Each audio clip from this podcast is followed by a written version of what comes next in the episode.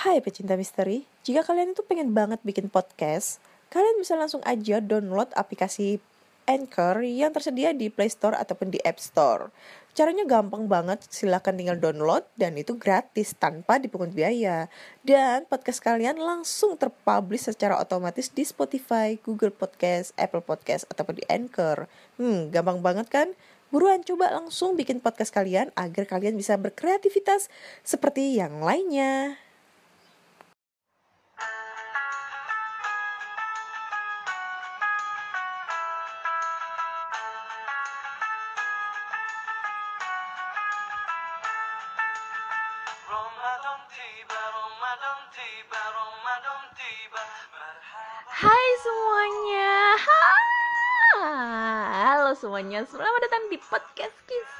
Horor. Hah, nggak terasa lagi ya udah tiga kurang tiga hari lagi kita mau merayakan hari kemenangan hari Idul Fitri. Yap, gimana semuanya? Apa planning kalian di eh, di hari Fitri ini? Eh, mungkin ada yang mau mudik atau kayak gimana? Atau mungkin mau jalan-jalan? Ya, tapi lagi pandemi ya kalau aku sih untuk planning lebaran hari ini aku mungkin stay di rumah aja ya nggak ke mana-mana karena memang adanya pandemi covid-19 jadi mungkin tradisi kita mudik tradisi sanggup menyanggup keponakan ditiadakan dikarenakan kita tidak bisa mudik dikarenakan eh, adanya pandemi dan kita tidak mempunyai uang untuk memberikan THR kepada keponakan-keponakan semua. Oke, eh, kurang tiga hari ya puasanya, jangan bolong. Ayo full full full 30 hari ke depan. Jangan sampai ada yang bolong buat yang para cowok-cowok, buat yang para cewek-cewek. Ya kalau bolong dimaklumi aja, namanya juga cewek pasti ada ada aja eh, yang bikin kita bolong. ya enggak?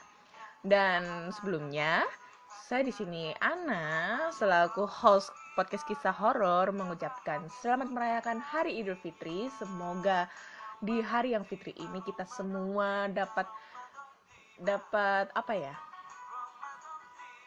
eh dosa-dosa kita selama satu tahun ini dapat dihapuskan. Amal ibadah kita eh, selama satu tahun ini dapat diterima di sisi Allah Subhanahu wa taala dan semoga ke depannya jauh lebih baik lagi untuk ibadahnya. Dan eh, sebelumnya juga saya juga mau mau minta maaf jika selama ini selama eh, di podcast ataupun di YouTube saya ada salah-salah kata kepada rekan-rekan semua, teman-teman semua, baik sengaja maupun tidak sengaja. Mohon maaf lahir dan batin. Dimulai dari nol lagi ya. Kayak di pom bensin aja dimulai dari nol lagi.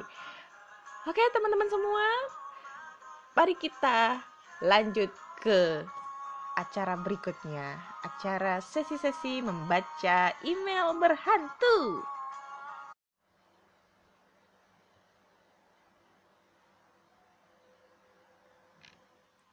Hai semua, Yeay. habis maaf-maafan sekarang kita baca-baca lagi email berhantu dari teman-teman semua yang sudah mengirimkannya melalui podcast kisah horor at gmail.com ataupun di DM Instagram Ana Olive.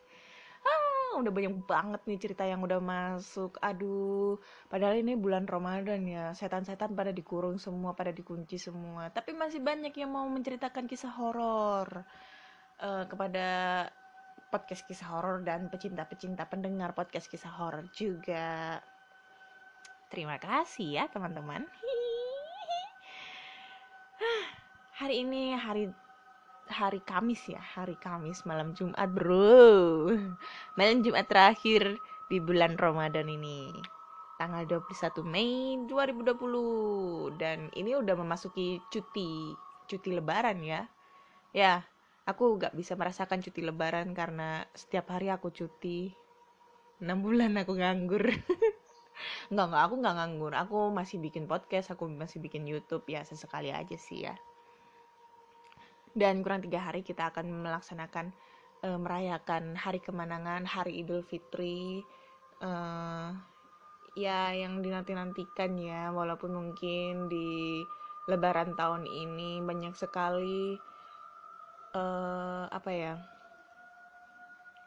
musibah musibah-musibah yang kita lalui di tahun 2020 ini.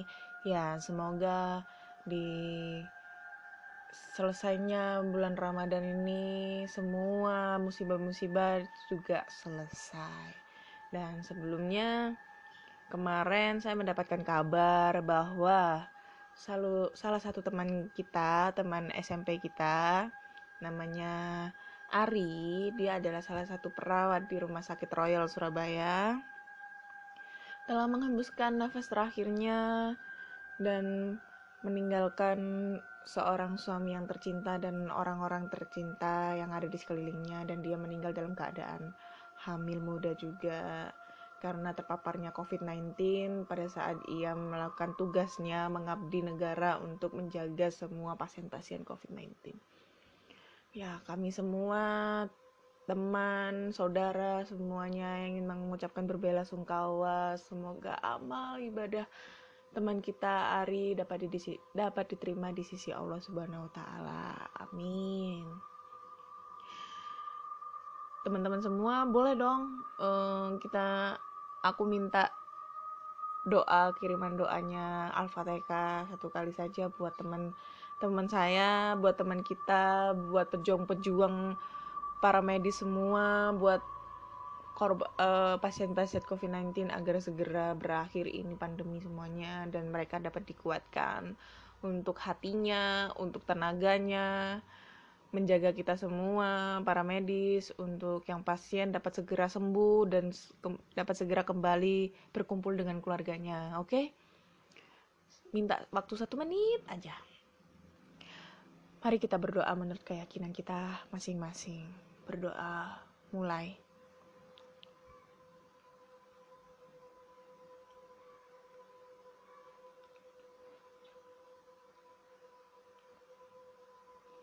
Amin.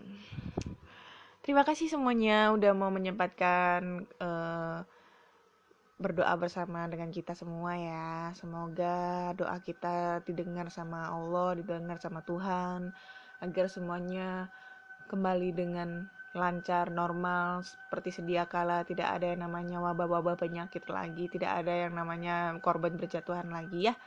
Oke? Amin. Oke, mari kita membacakan email berhantu yang sudah dikirimkan teman-teman dan cerita pertama datang dari email. Langsung aja. Sebelum itu jangan lupa matikan lampu, tutup pintu rapat-rapat, dan pasang headset kalian. Siapa tahu di saat kalian sedang mendengarkan cerita horor ada sesosok bayangan yang sedang mengintai di dalam kamar kalian. Selamat mendengarkan.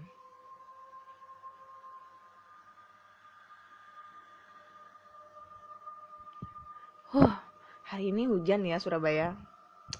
Hujan-hujan gerimis-gerimis ya mendukung banget untuk baca-baca cerita horor dan mendengarkan cerita horor ini. Langsung aja cerita pertama. Hai Kak Ana, nama saya Rahel. Saya ingin bercerita tentang setan penunggu kos yang bisa merubah wujud menjadi salah satu penghuni kos di tempat saya tinggal dulu. Sekitar tahun 2010 sampai 2011-an lupa ya bulannya itu bulan berapa. Saya tinggal di kos dekat kampus. Saya gambarkan dulu ya, Kak, kondisi kos saya yang dulu. Wah, nggak usah panggil kak lah. 2010, 2011 juga gue udah kuliah. Kayaknya mbaknya lebih tua dibandingkan aku. Oke, okay. Bangunan kos ini sudah lama, lembab, dan kotor. Tempat yang disukai makhluk halus. Tapi karena dekat sekali dengan kampus dan saat itu saya belum punya kendaraan pribadi, maka saya tetap memilih untuk tinggal di situ.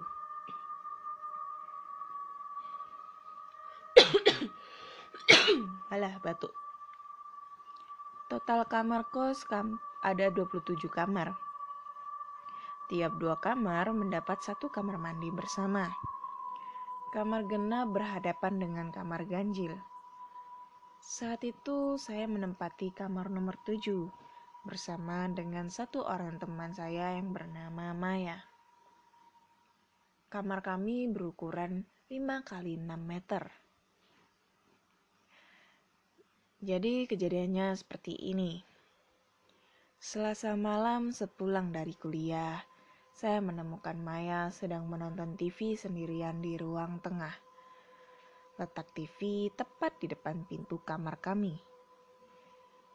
Kos saat itu lengang. Saya tanya dia, ke mana yang lain?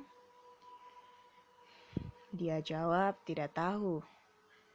Akhirnya saya masuk kamar dan mengganti baju. Sampai jam 10.30 malam, saya dengar TV masih nyala.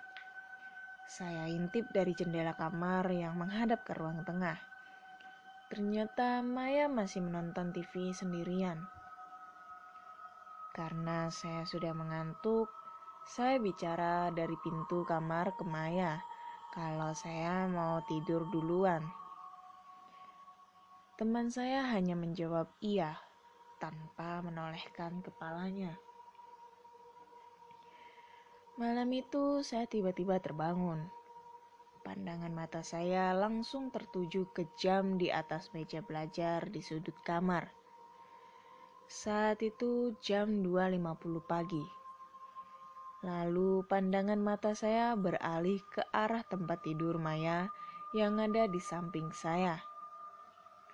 Saat itu Maya terlentang, eh saat itu Maya tiduran sambil berselimut kain jarik atau kain corak batik dari ujung kaki hingga hampir menutupi leher. Uh, serem ini mah kalau pakai kain begituan, sumpah. Posisi tidur terlentang dengan tatapan mata kosong ke langit-langit kamar. Saya bingung menyaksikannya. Lalu saya duduk di tepi kasur dan bertanya, "Ada apa?" Dia menoleh sekilas dan menggelengkan kepalanya. Setelah itu membalikan badannya membelakangi saya. Saya tidak habis pikir, apakah saya bisa bi saya bikin salah dengan dia atau dia sedang sakit atau mungkin ada masalah. Akhirnya saya kembali tidur, mengingat akan ada kuliah jam 7 pagi. Jam 5.30 alarm jam saya bunyi. Saya terbangun dan terkejut karena melihat kasur teman saya sudah rapi. Aneh, pikir saya. Saya sentuh kasurnya ternyata dingin seperti tidak ada yang menggunakan semalam. Namun, saya masih mencoba untuk tidak berpikir macam-macam. Saat saya hendak keluar, ternyata pintu kamar terkunci. Kami memang diberikan kunci masing-masing oleh pemilik kos. Tapi semalam kamar memang tidak saya kunci karena saat itu Maya masih menonton TV. Kenapa sekarang terkunci? Apa saya lupa atau ah lebih baik saya kesampingkan pikiran aneh. Saya pun berangkat ke kampus. Sepulang dari kampus, saya melihat teman saya Maya sedang membaca majalah di kursi ruang tengah. Lalu saya tanya, "Tadi pagi Kenapa sikapmu aneh? Bukannya tidur malam, eh tidur, bukannya tidur, malah lihat ke atap. Terus pagi-pagi udah kabur dari kamar. Emang kamu ke mana sih? Kamu marah sama aku? Maya hanya bengong dengan pertanyaan saya. Dia cuma menjawab, Aku dari semalam tidur di kamarnya Emma. Kamar aku kunci dari luar karena kamu lupa kunci pintu. Emma takut tidur sendirian, jadi aku temani. Emang ada apa sih? Kok pertanyaanmu aneh banget? Giliran saya yang bengong. Astaga, berarti Semalam itu saya tidur dengan setan yang menyerupai teman saya. Sekian cerita dari aku ke Ana. Terima kasih sudah dibacakan. Mohon maaf kalau ber- berantakan ceritanya.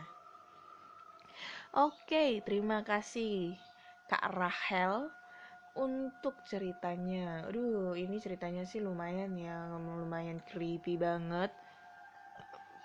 Karena apa ya?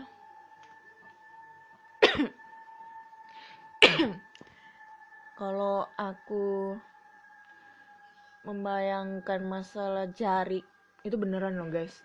Apa ya? Serem banget lah. Aku tuh punya eh, selimut jarik ya. Yang kalau kalian tahu bias- biasanya sih orang Jawa ngomongnya sewek itu. Aduh, tetangga, anak tetangga nangis coy. Jadi tuh kalau kalau orang Jawa ngomongnya tuh sewek, jari gitu kan.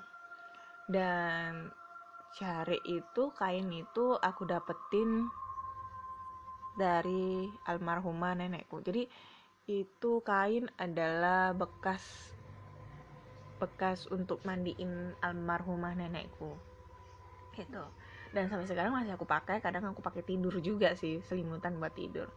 Tapi ya Allah alam ya untuk sejauh ini selama berpuluh-puluh tahun aku pakai kain itu nggak pernah sih dihantuin ataupun ditakut-takutin atau kayak gimana nggak pernah sih. Walaupun itu pernah dipakai untuk memandikan jenazah ya.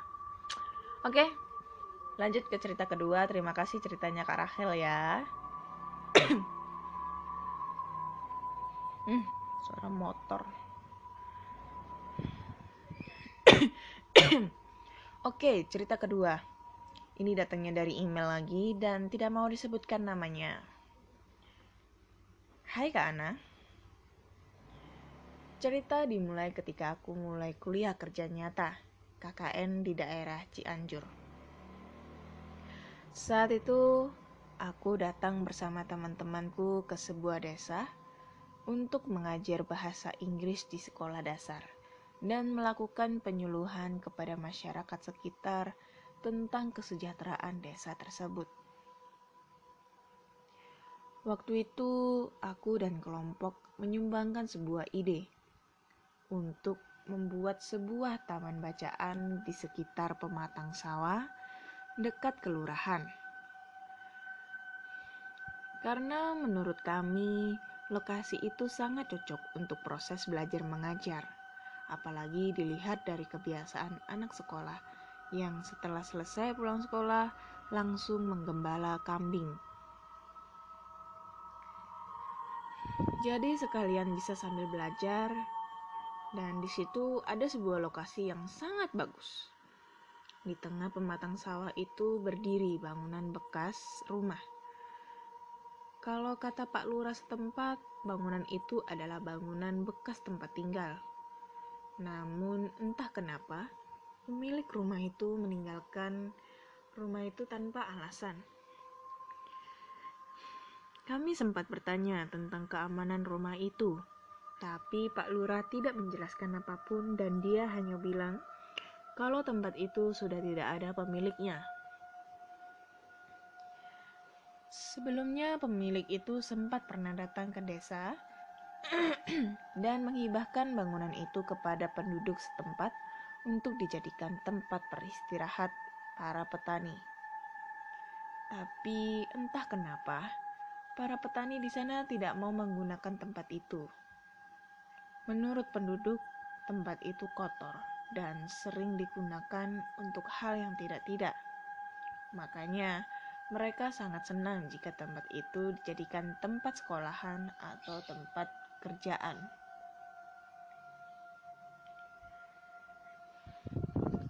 Singkat cerita, kami langsung mendekorasi rumah tua tersebut. Setelah bersih dan layak tinggal, kami memutuskan tempat itu menjadi base camp kami. Namun ternyata ketika kami tinggal di tempat itu, ada yang tidak suka kami tinggal di situ beberapa orang dari kelompok kami merasakan hal-hal yang aneh.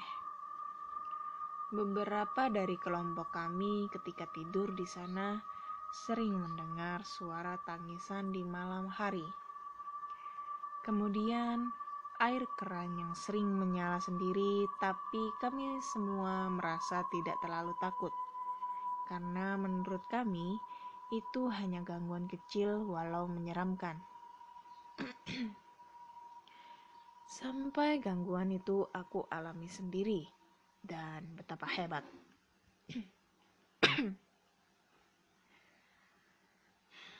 Ceritanya, malam itu hanya tinggal aku, Rita, dan beberapa teman yang tidur di sana. Kami sedang mengobrol mengenai program KKN dan di tengah obrolan, tiba-tiba suasana rumah menjadi sangat dingin dan sangat sepi.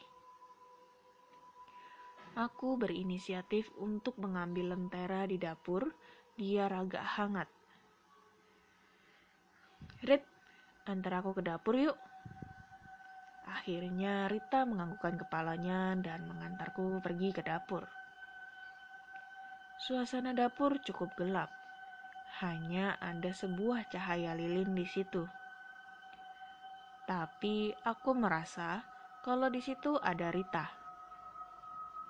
Tiba-tiba entah dari mana datangnya, kami dikagetkan oleh sebuah benda yang terjatuh dari arah belakang dapur. Kami terdiam. Aku dan Rita saling memandang. Perlahan-lahan kami jalan dan terdengar suara kaki dihentak-hentakan di tanah. Aku mengulurkan tangan dan mengambil lentera itu. Kemudian, astaga, aku terkejut karena ketika kami membalikan badan, di balik kami berdiri sesosok putih yang sangat kami kenal. Mukanya menyeramkan. Kedua lubang hidungnya ditutupi kapas. Astaga, ini kan... Aku dan Rita menjerit hebat. Di depan kami berdiri makhluk menyeramkan yang terbungkus kain putih. Aku dan Rita saling berpelukan hingga makhluk itu membuka mulutnya dan mengeluarkan tangisan seperti kesakitan. Suara pilu yang keluar dari mulutnya dan selang beberapa detik makhluk itu menatap kami dengan matanya yang merah menyala. Kami ketakutan luar biasa. Makhluk itu terus berdiri di depan kami sampai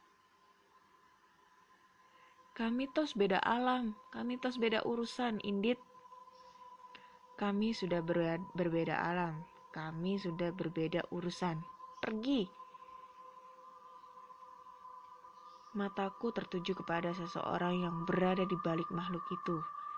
Dan kami melihat Pak Lurah berdiri sambil menunjuk makhluk itu. Makhluk itu menggoyangkan badannya seperti mau melompat lalu menghilang.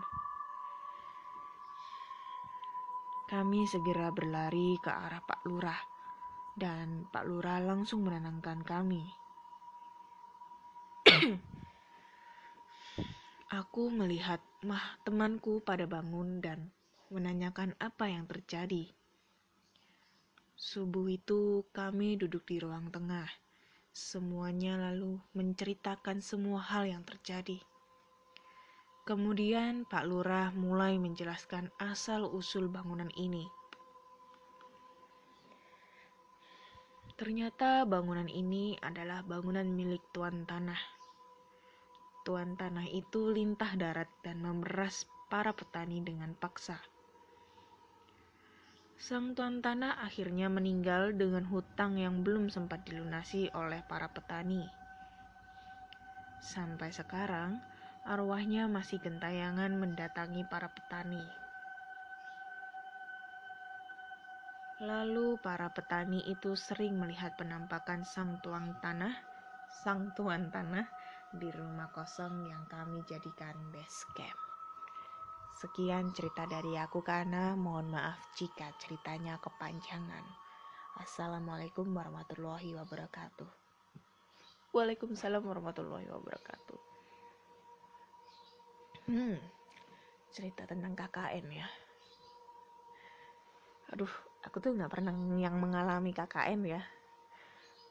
Aku kuliah dua jurusan di waktu di tahun yang di tahun yang sama dan di waktu yang sama. Cuma yang kuliah yang pertama aku ambil ini aku mengalami KKN-nya di kapal, coy. Bukan KKN kita di eh, kuliah kerja nyatanya di suatu perdesaan begitu enggak. Maksudnya itu dalam arti baksos atau gimana enggak, tapi saya dulu di kapal selama setahun. Dan eh, yang kuliah kedua berhubung saya KKN-nya barengan sama waktu saya layar jadinya saya nggak ikut KKN jadinya ya agak licik sendiri bayar. Soalnya waktu itu lulusnya barengan coy 2015 jadi 2015 saya dapat gelar D3 dan saya dapat gelar S1 tapi sehubungan dengan cerita KKN itu banyak banget cerita yang sangat menyeramkan tentang KKN salah satunya cerita yang pernah viral, pernah viral dan terjadi dalam apa ya based of true story jelas dan memakan korban yaitu KKN Desa Penari. Dan itu aku membaca dari segi siapa namanya? Si siapa sih? Nur sama si Ayu ya satunya ya. Itu serem banget ya sampai harus ada yang kehilangan nyawa juga.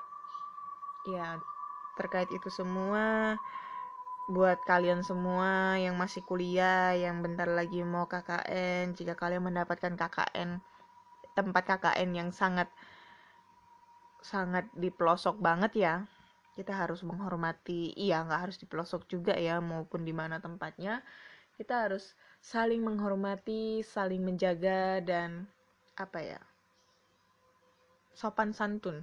Itu yang jelas sopan santun karena dari dari tata krama kita di awal itu membuat itu adalah suatu perkenalan kita kepada para leluhur yang ada di sana ataupun penduduknya di sana untuk untuk dihormati kembali gitu.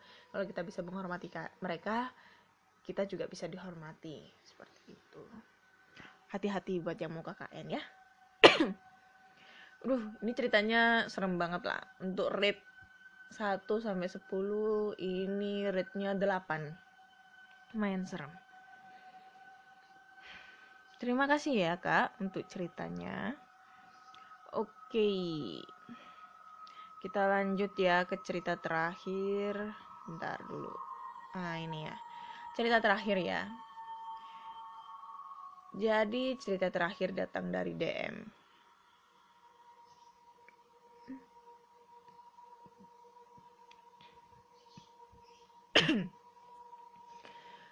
Halo Kana, namaku Yuri.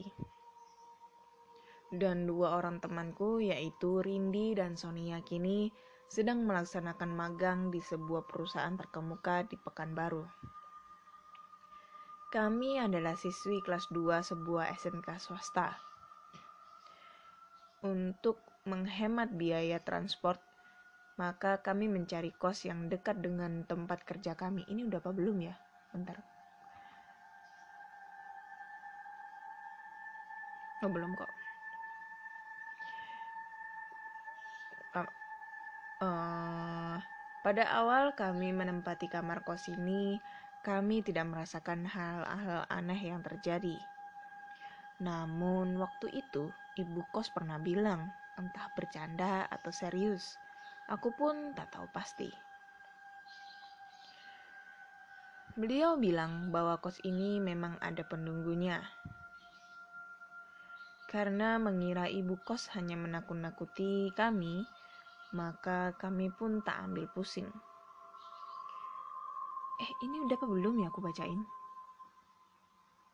Belum deh. Mohon maaf. Aku bingung antara udah dibaca di YouTube atau di podcast, aku juga bingung gitu loh. Makanya jadi terngiang-ngiang. Oke, aku lanjut ya. Kos itu sendiri berada di lantai tiga. Yaitu lantai paling atas. Lantai pertama ibu kos gunakan sebagai rumah makan, sedangkan lantai dua digunakan sebagai kamar ibu kos. Menurutku lantai dua inilah ruangan yang paling ngeri karena hanya sedikit bagian yang digunakan sebagai kamar. Sedangkan yang sebagian besar dibiarkan kosong. Anehnya di situ tertumpuk barang-barang yang entah punya siapa. Waktu itu pernah kami tanyakan pada ibu kos, tapi beliau tidak memberitahu. Kamar kos lantai tiga sendiri terdiri dari enam kamar, dan hanya tiga kamar yang terisi. Suasana yang gelap membuat kami lumayan deg-degan untuk tinggal sendiri.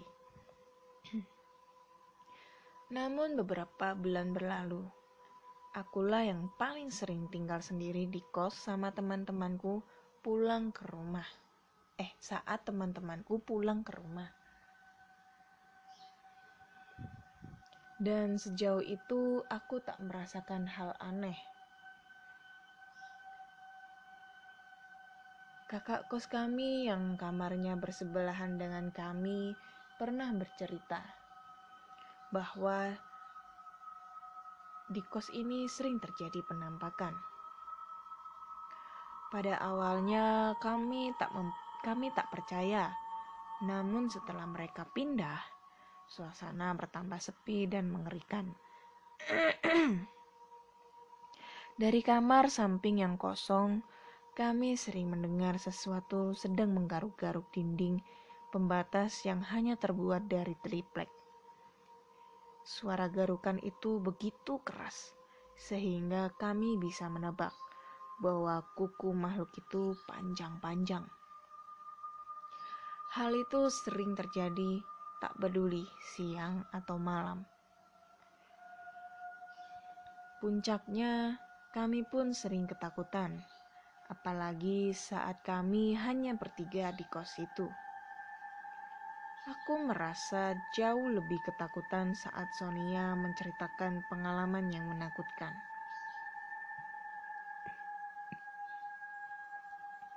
Kejadian itu terjadi saat Sonia akan mandi. Kamar mandi itu sendiri lumayan jauh dari kamar kami. Untuk sampai ke kamar mandi harus melewati beberapa kamar kosong. Sebelum kejadian ini, dia memang sering mandi malam. Waktu sudah menunjukkan pukul 9 malam saat dia mengambil handuk dan berjalan ke kamar mandi. Di dekat kamar mandi itu terdapat sebuah jendela kaca.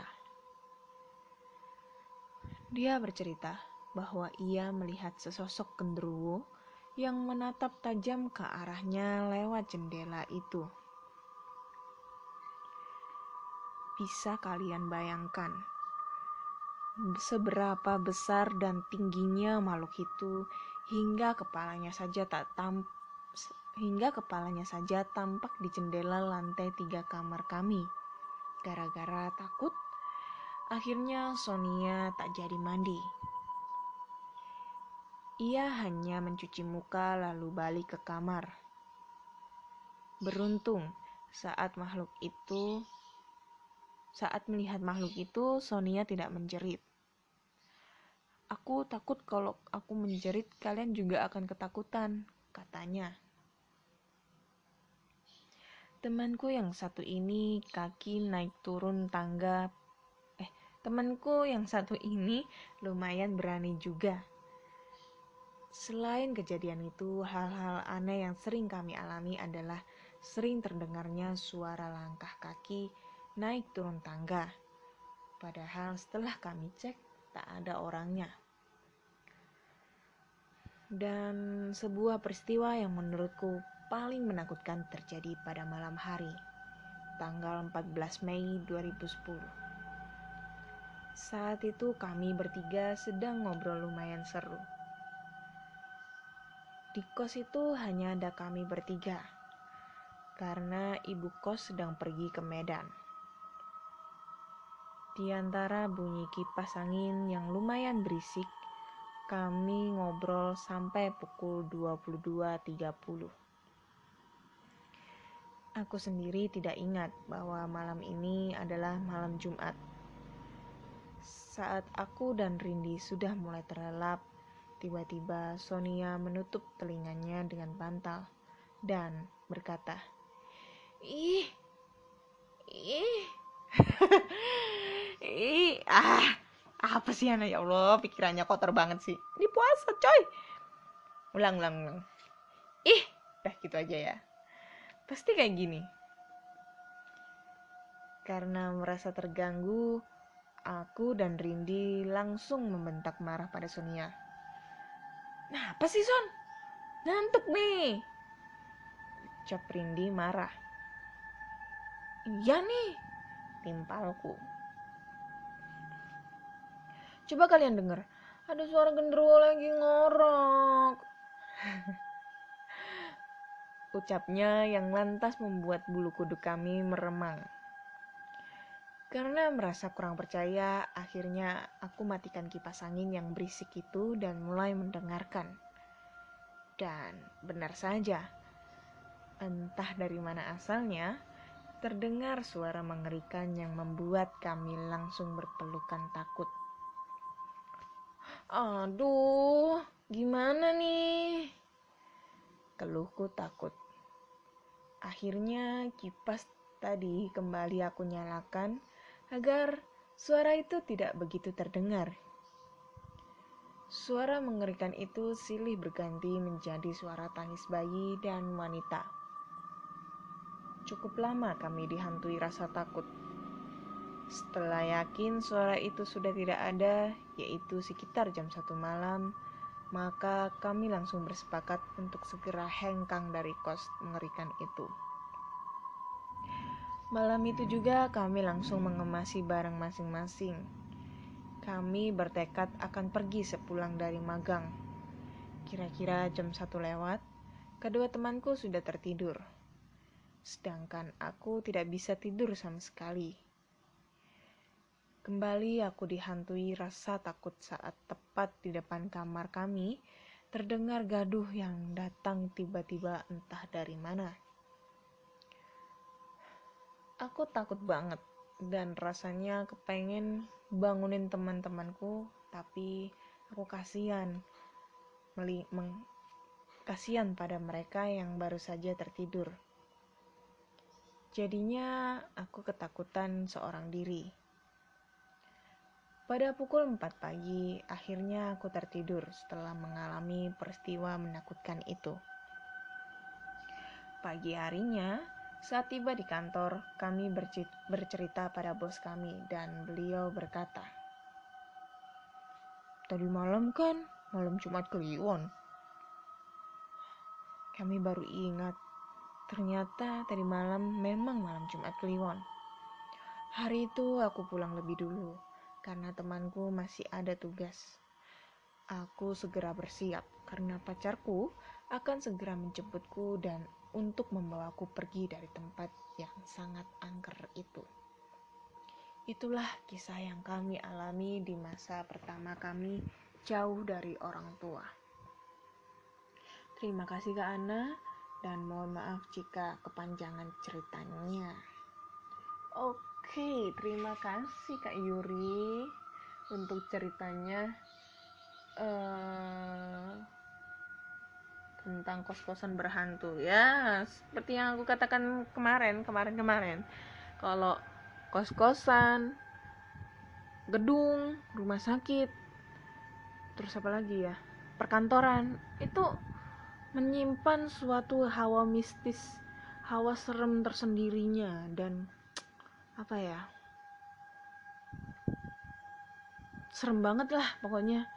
Kalau kita pernah mengalami kejadian aneh kejadian apa ya kejadian horor di tempat-tempat itu dibandingkan kita mengalami kejadian horor di rumah sendiri loh ya lebih hororan kita berada di tempat orang lain kayak gitu oke terima kasih ya untuk ketiga cerita dari kak Rachel lalu kakak yang tidak mau disebutkan namanya, no name, dan Kak Yuri terakhir. Udah tiga cerita yang aku bacain. Dan so, jika kalian punya cerita horor, entah itu pengalaman dari kalian, entah itu dari teman, saudara, kakak, adik, orang tua, kalian bisa langsung berbagi cerita di podcast kisah horor at gmail.com ataupun di DM Instagram Ana Olive. Dan mungkin jika kalian males ngetik ya, aduh aku capek kak ngetik, nanti aku bingung nggak bisa. Kalian bisa aja langsung ceri langsung cerita melalui voice recorder. Eh, nanti catatan suara kalian atau memo suara kalian bisa langsung kalian kirimkan di podcast kisah horor at gmail.com biasanya kalau eh, tentang catatan suara pakai voice recorder biasanya aku post di YouTube oke jika kalian pengen penasaran cerita tentang cerita lain yang ada di selain ada yang Bleh! selain yang ada di Spotify kalian bisa langsung aja mampir di YouTube channel YouTube namanya Ana Olive YouTube aku adalah YouTube tentang explore tempat-tempat terbengkalai. Tapi berhubung sekarang udah lagi pandemi, udah sekitar dua bulanan ini ya eh, COVID-19, jadinya sesi untuk explore mengeksplor ditiadakan dulu sampai keadaan kondusif. Jadi sementara aku isi dengan cerita-cerita horor dari teman-teman semua yang ceritanya berbeda dari Spotify maupun di YouTube. Oke. Terima kasih untuk semuanya yang sudah berbagi cerita dan sekali lagi saya mengucapkan selamat hari raya Idul Fitri. Semoga di tahun yang di bulan yang fitri ini kita semua dapat dapat hidayah dari dari Allah Subhanahu wa taala, dihapuskan segala dosa-dosanya dan amal ibadah kita diterima di sisi Allah Subhanahu wa taala dan ke depannya makin dilancarkan lagi untuk ibadahnya. Amin amin ya robbal alamin. Mohon maaf lahir dan batin ya. Terima kasih semuanya dan selamat malam.